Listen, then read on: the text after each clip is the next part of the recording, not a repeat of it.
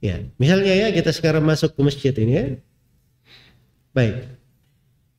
Untuk belajar.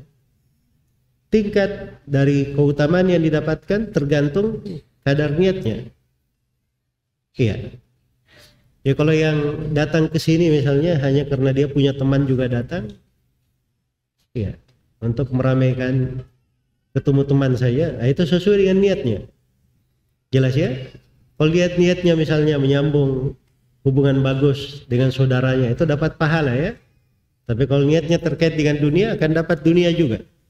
Tapi kalau dia hadir ke sini niatnya adalah untuk belajar satu. Itu sudah pahala yang sangat besar. Yang kedua, mengangkat kejahilan dari dirinya. Yang ketiga, kecintaan kepada syariat Allah. Yang keempat, bagaimana dia menjaga agama ini. Ya, dan memeliharanya dengan mempelajarinya. Kemudian yang kelima, dia datang ke sini juga adalah memperbanyak dari orang-orang yang baik di dalam kebaikan. Nah, itu kan pahala tersendiri itu. Orang-orang baik berbuat baik kita ikut memperbanyaknya sehingga orang-orang cinta kepada kebaikan tersebut.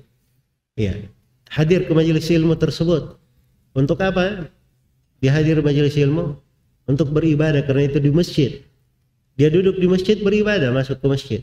Apalagi kalau dia datang ke masjid, ini sekarang kita duduk dari sebelum jam 10 dan mungkin akan berakhir jam 11 atau lewat daripada itu, itu sudah cukup untuk itikaf. Dia niat itikaf saja sudah dapat pahala apa? Itikaf menurut banyak ulama. Menurut banyak ulama yang menguatkan pendapat tersebut. Itu kan itikaf juga namanya.